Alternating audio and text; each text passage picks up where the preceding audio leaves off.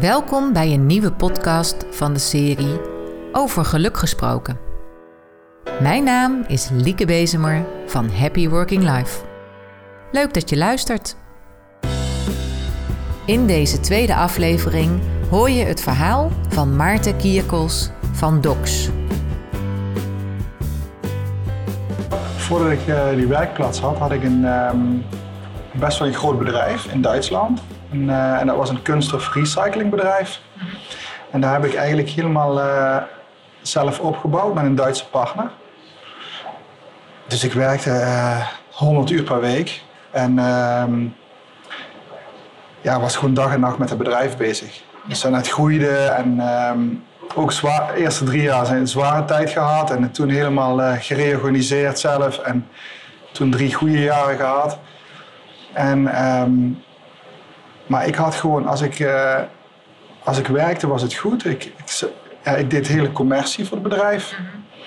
Uh, ik had wel het gevoel dat het hele bedrijf afhankelijk was van mij. Maar dat wist ik toen nog, dat gevoel had ik wel altijd. Maar ja, en op een gegeven moment, maar het lag nooit in het bedrijf. Als ik naar huis reed, dan voel ik, ja, dan denk ik, wat moet ik thuis? Dat dat gevoel. Ja. Dus ik was thuis niet gelukkig. En um, ja, dat was wel een heftige periode, want we waren toen ook al bezig met kindjes te krijgen en dat lukte niet. En ja, tot ik een keer um, uh, onder de douche stond. Onder de douche heb ik altijd mijn ideeën. Ja. En toen zette ik de eerste keer, dat was dus, uh, spreken we nu over, uh, even kijken, dat was december 2012. Toen stond ik de douche en toen dacht ik, de eerste keer durfde ik het deurtje open te zetten van zou het aan het bedrijf liggen dat Ja. ik niet gelukkig ben. Ja, dat was echt een sluisdeur. Toen die, ik, ik kreeg hem ook niet meer dicht en toen wist ik van, oh god, dit is het. ehm. En ik had een hele. Ik had daarvoor, twee maanden daarvoor, mijn. ehm, eh, ik, ik had een coach, een life coach. Ja. Maar twee maanden daarvoor, daar, daar heb ik er al een paar van versleten. En ja, dat, die praat ik naar de mond. En dan, Ja. Maar ik- toen kwam ik de goede tegen, twee maanden daarvoor. Die eh, kon, ik, eh, kon ik zeggen wat ik wilde, maar die had me door. en ehm, ja, toen heb ik dat uiteindelijk eh, eh, met haar gedeeld. En toen zei ze tegen mij, ja, weet je, die types zoals jij, die, eh, jij kunt zo nog vijf, zes jaar doorgaan. Maar jongen, dan krijg je me toch een opkalefater. Ja. Dus je, en die pieken die worden steeds minder hoog en het dalen steeds dieper. Dus het is net de keuze die je maakt. Ja. En ik begreep dat toen heel erg goed. Toen dacht ik van ja, wat ga je nou doen? Uiteindelijk heb ik een, eh, een eh, noodstop gemaakt. Dus ik heb tegen mijn Duitse partner gezegd van luister, ik, ik moet hier even uit. Ja. Uit deze situatie. Dus ik heb op eh, 21 december 2012 heb ik mijn eh, sleutels ingeleverd van kantoor. Mijn telefoon en mijn laptop. Echt gewoon, te- was ook mijn privételefoon. Alles daar Alles. gelaten. Ja. En dan ben ik op 1 januari ben ik ehm, in mijn eentje naar Lapland gereden. Ja, Gereden? Ja, gereden. Oh, In de vakantie, de kerstvakantie, kreeg ik het gevoel eh, van eh, ik moet naar Lapland. En ik wist ook niet Ja. waarom. nee. En ik moet ergens een hutje vinden, ergens midden in het bos. Ja. En daar ga ik zitten. Ja. ja. Dat, was het, eh, dat, dat voelde ik. En dat heb ik 1 januari ook gedaan. Ik ben er naartoe gereden. Eh, zonder iets, dus zonder telefoon, niks. Ja. Uh, Stephanie gezegd, zo, ik ben weg. Die vond dat ook goed. en ehm, ja, gereden eh, met de boot naar Helsinki. Heb ik gepakt. In Helsinki kwam ik met de ijsbreker kwam ik daar aan. En dan 's ochtends in één keer naar Lapland gereden. Zo. Over de sneeuw. Dan kwam ik 's avonds in Rovaniemi aan, daar waar de kerstman dan vandaan komt. Ja. Nacht gebleven en toen verder met mijn tour, want ik wilde naar de Russische grens eh, en ik gereden. En dan kwam ik bij een kerkje. Dat was het enige wat open was, het was zondag. Ja. En eh, daar kwam ik een, eh, een vrouwtje tegen, die hield dat museum dus open, was helemaal geen mens. En ik vertelde haar van, ja, ik zoek een hutje ergens in het bos. En die vrouw die keek mij aan van, het is niet goed met jou. Zegt ze, luister, eh, hier beginnen de dagen pas om half tien. En om drie uur is het pikken donker. Wat doe je hier? Ja. Zegt ze, en op zondag is niks open, behalve een... Daar is een skigebiedje hier eh, verderop. Ja. Daar is een soort eh, eh, parkje bij. Misschien kun je daar slapen. Ja, daar ben ik. eh, en toen zei ze, maar er is een vrouw ergens hier, wist ook niet precies, die beheert alle hutten in de, in de omgeving. Ja. Nou, dat zei ze me zo terloops. En eh, toen ben ik naar het park gegaan, heb ik daar kunnen slapen de nacht. En toen vroeg ik die, eigenaar van of die die vrouw. Ja, die kende die vrouw. En eh, toen kwam ik daar eh, in, die zat ergens in een hut. En mijn auto had ook nog achterwielaandrijving. Ik kwam echt nergens vooruit daar. Het lag echt, het was min 30. Het was echt... en toen kwam ik in een hutje, zit daar bij de open haard een vrouw. En die ziet me binnenkomen en die kijkt me aan van, wie ben jij eigenlijk? En toen zei, ik- zei ik haar mijn verhaal.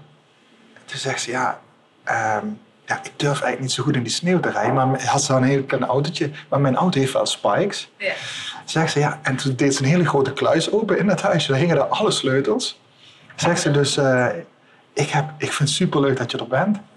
We gaan gewoon, ik laat je een paar huisjes zien en dan gaan we gewoon een grote tour maken. Fantastisch. Ja, en toen, en toen vroeg ze of ik dan wilde rijden, want dat durfde ze niet. Ik zeg, ja, ik vind het fantastisch. Ja. En eh, toen hebben we een eh, stuk of acht huisjes of zo. Sleutels. Ik wil alleen maar op de kaart, de meest afgelegen. Ja. En toen ben ik met haar een tour gaan maken, een hele dag. Echt eh, ons er doorheen gegraven. En, en toen vond ik ergens een huisje in the middle of nowhere. En ik zeg, dit wordt mijn huisje. En zo gezegd, zo gedaan. En toen ben ik daarin in gaan zitten. Helemaal alleen. Ja, de, de, ik ging echt van 100 op 0. Hè. Dus Ja. het was echt. En toen ik toen, dat vergeet ik nooit meer, ik, ging, ik reed toen met de auto daar naartoe, mijn eigen auto, maar dan kom ik niet ver. Dus ik ben het laatste stuk gelopen. En, en toen trok ik die deur achter me dicht. En, toen, en je moet je voorstellen, ik zag echt aan de Russische grens, er was niks om me heen. Nee. En absolute stilte. Ja. Het, het sneeuwde ook niet, het was helemaal alleen maar berkenbomen. Ja. En ik trok die deur achter me dicht en het was zo stil. Ah. Ja, en toen heb ik eerst, eh, volgens mij de eerste vier dagen, heb ik alleen maar kunnen huilen. Ja. Van dat ik was, en ik dacht van, waar ben ik mee bezig? Ja, niet, niet dat ik terug wil, maar wel van, wat Nee. is dit? Ja. Dus dat was een soort uh, ontnuchtering. En, en toen ben ik eh, eh, daar, eh, vier weken lang heb ik in dat hutje gezeten. En ben ik, eh, ik kwam er dus achter dat ik dan dus niet kon wandelen, want de sneeuw was veel te dik. Ja. Dan heb ik ergens langloopskis eh, ge- geregeld en toen ben ik heel veel gaan langlopen alleen. Ja. Maar ook, echt, ja, gewoon, ik wilde gewoon helemaal vrij zijn. Dus ik had ook geen kaart of niks. Ik ging Nee. gewoon langlopen. Dat was ook echt eh, bizar. En toen kwam ik eh, terug. Eh, na drie maanden ging ik dus terug ja, uit eh, Lapland. Dat had me heel goed gedaan. En ja, besef je, maar ik was had nog steeds niet de klik gemaakt dat ik zou stoppen met het Mm. bedrijf. Maar ik ging alles anders doen. Ja. Dat was het eh, motto. En ik wilde na drie maanden ook kijken waar het nou aan lag, waar Ja. het bedrijf nou van. En dat was heel gek. Dat was dus drie maanden cold turkey. Hè? En, ik, Ja. en ik had daarvoor dus een telefoonrekening van 1200 euro per maand. Zo. Ik belde dag en nacht. Eh, en, dus ja, ik, ik had geen telefoon meer niks. En, dus ik kwam terug na drie maanden. En ja, ik zag waar het, waar het, eh, waar het aan lag. En de voorraden waren gigantisch opgelopen. En, maar het bedrijf was er nog, dus Ja. dat was fijn. Ja. En toen binnen een maand eh, maakte het de echte klik van... Ja, dit is wel... eh, ik ga dit nog omkeren nou. Ik, had wel veel, ik, ik ga dit nou een gezond bedrijf maken. Ja. Maar ik ga wel stoppen. Dat is duidelijk. Dus toen heb ik mijn eh, partner gezegd, voor hem, ik zeg van ik stop ermee. En ja, het liefst zou ik hem verkopen, het bedrijf, met jou samen. Ja. Maar er zijn maar twee opties. Of we verkopen het samen, of jij neemt het over. Ja. Mijn aandelen. En het liefst heb ik dat we het samen verkopen. Want eh, ja, maar ehm, je hebt de keuze. En in eerste instantie zei hij van ik, ja, doe het samen. En in tweede instantie zei ik, ik wil toch gewoon je aandelen overnemen. Oké. Ik zeg ja, als jij het overneemt, dan moet het snel gaan. Want dan hebben we twee verschillende belangen. Ja. En dat geeft problemen. En dat was ook zo, dat is ook niet fijn. Maar goed, ik heb daar wel heel veel druk op gehouden. Ik heb het bedrijf omgeturnd, dat hij daar gewoon veilig mee kon gaan. En toen, 21 december 2013, Oh ja. Ja, ja. gaf ik mijn sleutels weer af. Kijk. En toen was het eh, bedrijf weg. Nou, wat bijzonder. Ja. Toen was ik in Australië en toen zat ik op een eiland daar ergens eh, aan de oostkust. En toen, toen had ik even een dagje van mezelf nodig. Mhm. Eh, ik had- was net vader geworden, alles was... eh, dus ik zei tegen Steve, eh, er was één busje die reed over het eiland. ik zeg, ik zeg tegen Steven, ik laat me met dat busje het einde van het eiland afzetten. En dan loop ik gewoon terug naar Ja. jullie toe. En dan, en toen zat ik in die, eh, zat ik in die bus. En eh, het was eh, 35 graden of zo. Dus ik had zo'n heel groot raam open. Alleen met de buschauffeur. En toen was ik eh, De Alchemist aan het lezen van Paulo Ja. Coelho. Ja. En eh, ik zat daar zo. En er was zo'n hele warme wind over me heen. En dat was een moment dat alles veranderde op dat moment. Ja. Dus ik, ik zat en toen las ik in het boek, eh, er werd me de vraag gesteld van, eh, leef je eigenlijk aan de hoofdpersoon? Mhm. Van leef je eigenlijk wel je eigen legende? En dat trof me echt letterlijk als een bliksemscheek van, ah, leef ik eigenlijk wel mijn legende? En ik snapte dat, het was zo, soms snap je iets in, Ja. ja. als ik hem nu eh, ligt op mijn nachtkastje, ik lees hem best vaak, maar ik snap steeds andere dingen, maar dat snapte ik. En dacht ik van, nee, ik leef totaal niet mijn eigen legende. Ik ben eh, na mijn middelbare school, ik kon redelijk goed leren, maar ik had daar geen zin in, maar ik ging wel leren. Ja, dan ging ik maar een economische studie doen. En, Ja. maar dat werd, je niet gevraagd of je dat leuk vond. Nee. En je werd, ja, waar kun je geld mee verdienen? Of weet ik wat het was. En toen dacht ik, wat is eigenlijk mijn eigen legende? En toen ging ik terug naar, toen ik een jongetje van 8, 9 was, toen werkte ik bij mijn oom in de werkplaats. Met mijn handen. En toen dacht ik van, ik ga met mijn handen werken. Ja. Dat is het. Ja. Dat is eigenlijk wat ik echt wil. Ja.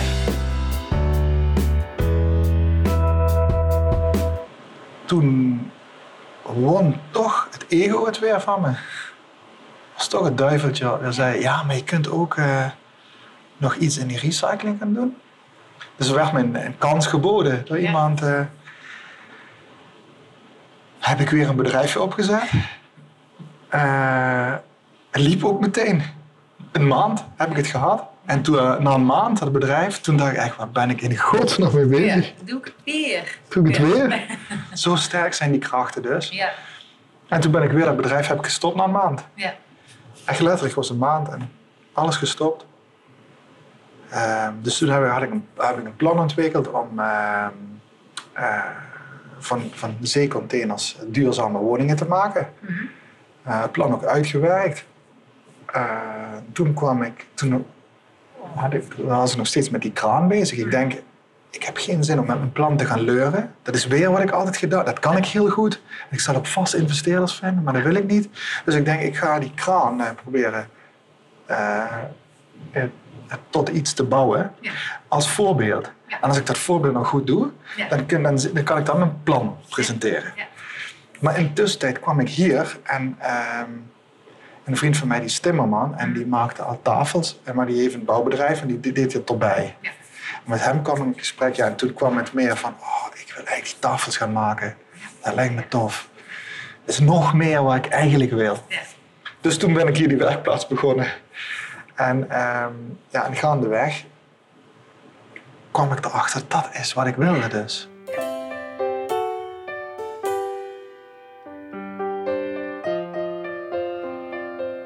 En maar nu hier, dat is, ik, eh, ik wil ook geen personeel meer en zo, dat wil ik absoluut, want dat trok ik me ook allemaal aan, die verhalen. Ja. Ik wil gewoon alleen zijn en vrij zijn. Ja. Dus het zit vooral, eh, ik ben sowieso ooit ondernemer geworden, omdat ik elke keer met mijn leidinggevende in conflict kwam, Ja. omdat ik het altijd beter deed, volgens mezelf. Dus die, die werden, ik had altijd leidinggevenden die, jalo- die jaloers werden op mij en dat snapte ik nooit. Ja. En toen dacht ik, doe ik het alleen?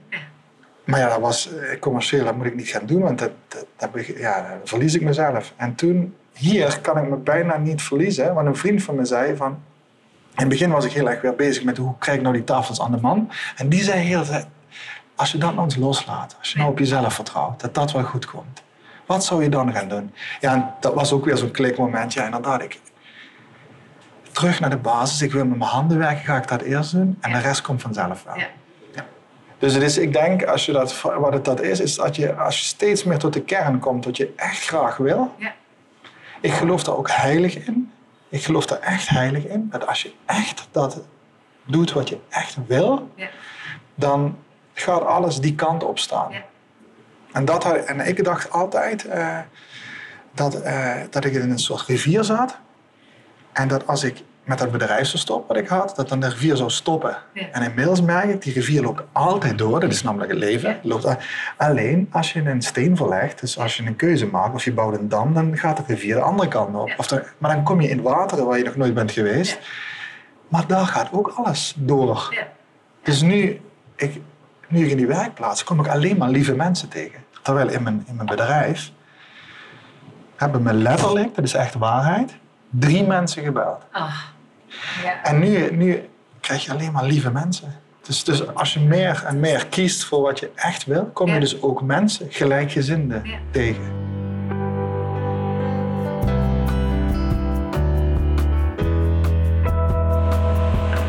Als mensen nou op zo'n tweesprong staan, hè, van ik wil eigenlijk iets anders. Ja. En, eh, dit is niet helemaal wat ik wil. Zou je ze dan nog een advies kunnen geven? Wat, wat ik altijd hoor als mensen op een eh, tweesprong zetten, is dat, de keuze niet, dat ze de keuze niet durven te maken doordat het financieel niet kan. Dat ze bang zijn van, ja, maar ja, dan verdien ik geen geld en ik moet toch mijn lasten betalen. Ja. Ik denk dat ieder mens, als je dat echt die keuze moet, wil maken, je hebt minimaal een half jaar voor jezelf nodig. Eigenlijk een jaar, maar ja, ik, ik heb het verkocht nu tot een half jaar, als iemand mij dat vraagt. En wat ik dan zeg is, ga voor dat half jaar op een, op een blaadje zetten, A4'tje, wat je nou echt aan geld nodig hebt. Echt harde knaken van hoeveel is je hypotheek, hoeveel. La, schrijf dat bedrag en stel het op keer zes maanden. Wat is dat nou? En laten we eens eventjes hypothetisch zeggen, dat is 15.000 euro. Ik noem maar even wat. Regel je die 15.000 euro? En dan zeg je, ja, maar moet, nee, die kun, iedereen kan dat geld regelen voor die status. Regel je dat? En ga dan ehm,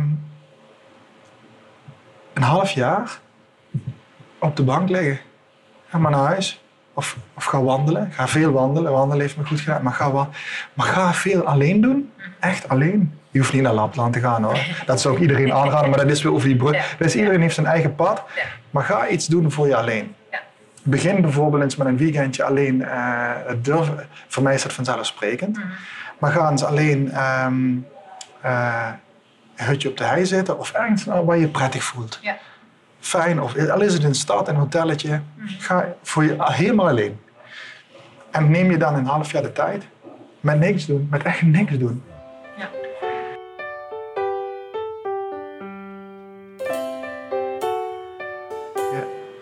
Er gaat zoveel gebeuren, er komt zoveel bagger uit en zoveel dingen. En je komt tot jezelf, maar je moet die druk van het geld weg hebben. Want Ja. dat, dat, dat, dat vertroebelt het allemaal. En voor de rest heb je geen advies nodig, want de rest gebeurt vanzelf. Ja. De rest gebeurt in jezelf. Wauw. Ja, dat is het. Mooi. Ja. Mooi verhaal. Inspirerend ook. Ja. Ja, super. Ja. Dankjewel. Je bent aan het einde gekomen van deze podcast. Wil je meer weten over werkgeluk? Breng dan gerust een bezoekje aan onze website happyworkinglife.nl. Bedankt voor het luisteren en graag tot een volgende keer.